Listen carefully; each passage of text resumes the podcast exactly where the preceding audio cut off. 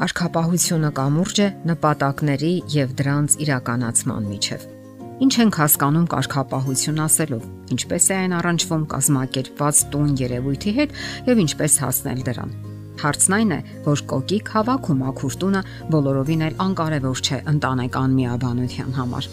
Գաղտնիք չէ, որ շատ տղամարդիկ բողոքում են այն բանից, որ իրենք ավելի լավ վիճակում կցանկանային տեսնել իրենց տունը Տղամարդը վերադառնալով տուն ցանկանում է պարզապես հանգստանալ ամենօրյա հոգնեցուցիչ աշխատանքից։ Նա իրեն զգում է տանտեր, որպես հրամանատար, որը հանգստանում է իր ամրոցում։ Որ տղամարդը կցանկանա գալ տուն եւ տեսնել այն թափթփված, որտեղ իրերը իրենց տեղում չեն, երեխաները քաղցած են, ճաշն էլ դեռևս պատրաստ չէ։ Սա իհարկե բնորոշ օրինակը չէ, որ վերեցինք, սակայն շատ դեպքերում հենց նման օրինակ իրավիճակներ են առաջանում, որոնք տարաձայնությունների, եթե ոչ բուրըն վեճերի առիթ են դառնում։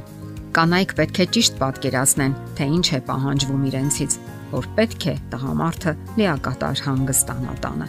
Իսկ դրա համար հարկավոր է իրատեսորեն գնահատել սեփական բնավորությունը, տնային հմտությունները, որպես տանտիկին պարտավորությունները որpիսի ամեն ինչ լինի տեղում եւ իր ժամանակին։ Հասկանալի է այն դժվարությունները, որոնք առաջանում են այն դեպքում, երբ կինն աշխատում է եւ այնուամենայնիվ անելանելի իրավիճակներ չկան։ Պարզե մի բան, կազմակերպված տունը բազմաթիվ հմտություններ է պահանջում տանտիրուհուց։ Եվ ամեն ինչ սկսվում է կարգապահությունից։ Ամեն ինչի համար պետք է լինի իրեն հատկացված ժամանակը եւ գործերի եւ երեխաների համար եւ իհարկե ամուսնու հետ համատեղ զվարճության ժամանցի համար։ Իսկ առավոտը սկսվում է նախորդ երեկոից, երբ դուք պետք է ծրագրավորեք ձեր գալիք օրը եւ այն էլ ձեր ամուսնու հետ միասին։ Ունեցեք այդ ժամանակը։ Ամեն օր կանոնավոր հավաքվեք եւ ամփոփելով այդ օրը ծրագրավորեք վաղվա օրը։ Եթե ոչ մանրամասներով, ապա գոնե ընդհանուր գծերով մեկ անգամ եւս ընդհանրացրեք ձեր ընտանեկան այսպես կոչված հրճակագիրը, կարևոր գործերը եւ ապա ոչ հրատապանելիքները։ Ճշտեք հնարավորինս որոշակի եւ իրատեսորեն։ Եթե երեխաները բավականաչափ մեծ են, նրանց էլ ներառեք այդ ծրագրերի մեջ։ Թող ունենան իրենց տեսիլքները եւ ասելիքները ձեր ճշտումների ներքո չէ որ նրանց դեռևս պակասում է խորաթափանցությունն ու փորձառությունը եւ հետո այդ բոլորը նրանց պետք կգա իրենց հետագա կյանքում սեփական ընտանիքը կազմելու ժամանակ նրանք իրենք կլինեն կազմակերպված եւ կարգապահ նրանց մեջ նաեւ նպատակայնություն կհայտնվի ապա ճշտեք առաջադրանքները քննարկեք հիմնախնդիրները կարգապահական հարցերը որpիսի խառնաշփոթություն չառաջանա երբեք չմոռանաք մի կարևոր պահ գործնական հարցերի քննարկումը ոչ մի դեպքում չի բացառում զույգի մերց հարաբերությունները, նույնիսկ ընդհակառակը։ Զգացեք ձեզ ինչպես ազատ նկարիչ ստեղծագործող։ Չէ որ դա ձեր տունն է, որտեղ ազատ կարող եք ցուցադրել ձեր հմտությունները եւ անընդհատ որոնել լավն ու ճիշտը։ Մի առաջադրանքից անցեք մյուսը ազատ ու սահուն, առանց շտապելու, առանց տենդայնության եւ շփոթվելու։ Տենդը միայն հոգնեցնում է եւ քայքայում նյարդերը։ Նման դեպքերում երեխաները, որ հստակ գիտեն իրենց անելիքները, ոչ թե ոդքի տակ կանգնեն, այսպես ասած, եւ միայն նյարդայնացնեն, այլ պարզապես կոգնեն վստահ իրենց ուժին եւ իմանալով իրենց անելիքը։ Ասենք որ ընտանեկան կյանքի կազմակերպվածությունն ու կարգու կանոնը չի բացառում զույգի միայնակ իրենց համար նախատեսված հանդիպումները։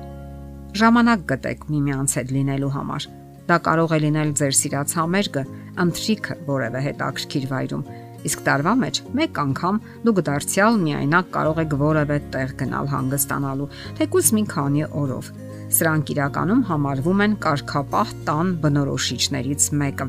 Իսկ եթե արդեն ունեք ամուսնացած երեխաներ, ապա ամիսը մեկ անգամ կարող եք հենց նրանց հravirել ձեր տուն, որpիսի հետաքրքիր անցկացնեք ձեր ժամանակը հարազատ մարդկանց հետ։ Պարզ է մի բան, Ոչինչ հենց այնպես չի լինում, եւ ընտանիքի բարեկեցությունը համարվում է կազմակերպվածության, արդյունավետության եւ ամենից առաջ ամուր սկզբունքների արկայության արդյունքը։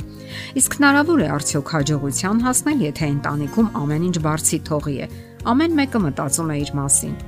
Ոչ մի բան իր տեղում չէ եւ ոչ մեկը չգիտի թե իրենից ինչ է պահանջվում։ Կարգապահ տունը կարելի անվանել նաև ռիթմիկ կամ դինամիկ տուն Այդ դեպքում ամեն ինչ հուսալի է, կայուն, հաստատուն։ Տան անդամները բավականին հանգիստ ու հավասարակշռված են։ Հաղթահարում են գործնականում ցանկացած փոփոխություն ու դժվարություն կամ անսպասելի իրավիճակ։ Ասենք որ այդ կարգապահությունը անհրաժեշտ է հենց դժվար ժամանակներում, երբ անհրաժեշտ է համախմբվել ու սատարել միմյանց։ Քանի որ կյանքում ոչ մեկս ապահովագրված չենք անախորժություններից կամ դժբախտ դեպքերից, հիվանդություններից, ապա նման դեպքերում հնարավոր են խոճապային տրամադրություններ եւ որոշակի խառնաշփոթություն սակայն հենց այդ պահերին է որ գործում է համատեղ լինելու եւ հիմնախնդիրները համատեղ լուծելու արդեն հաստատված սկզբունքները։ Իսկ եթե ընտանիքում չկա ռիթմ, ավանդություններ, կարգապահություն, որոնք ապահովում են ընտանիքի կայունությունը, ապա ընտանիքը դառնում է ծայրահեղ, խոցելի, անհարկի միջամտությունների եւ կողմնակի ազդեցությունների հանդեպ։ Շատ ընտանիքներ ապրում են պարզապես սովորության ուժով, այսպես ասած իներցիայի ուժով։ Այդ ամենը ծնում է անտարբերություն եւ անհոգություն եւ պարզապես հարգանքի եւ սիրո բացակայություն։ Նման հարաբերությունները վաղ թե ուշ դատապարտված են ձանձրույթի եւ ամլության, թե հոգեբանական եւ թե ֆիզիկական առումով Ահա թե ինչու անհրաժեշտ է կարևորել կարգապահությունը եւ ընտանեկան դինամիկան, համատեղ անկեղծ փոխհարաբերությունները, համատեղ ջանքերը, պահպանելու ընտանիքը աշխարհում մոլեգնող ճարիքներից եւ հարցակումներից։ Եղեք միաբան բոլոր հարցերում, ինչ խոսք նաև ընտանիքի կարգապահության հարցում։ Եթերում է ընտանիք հաղորդաշարը։ Ձեզ հետ է Գեղեցիկ Մարտիրոսյանը։ Հարցերի եւ առաջարկությունների համար զանգահարել 033 87 87 87 հեռախոսահամարով։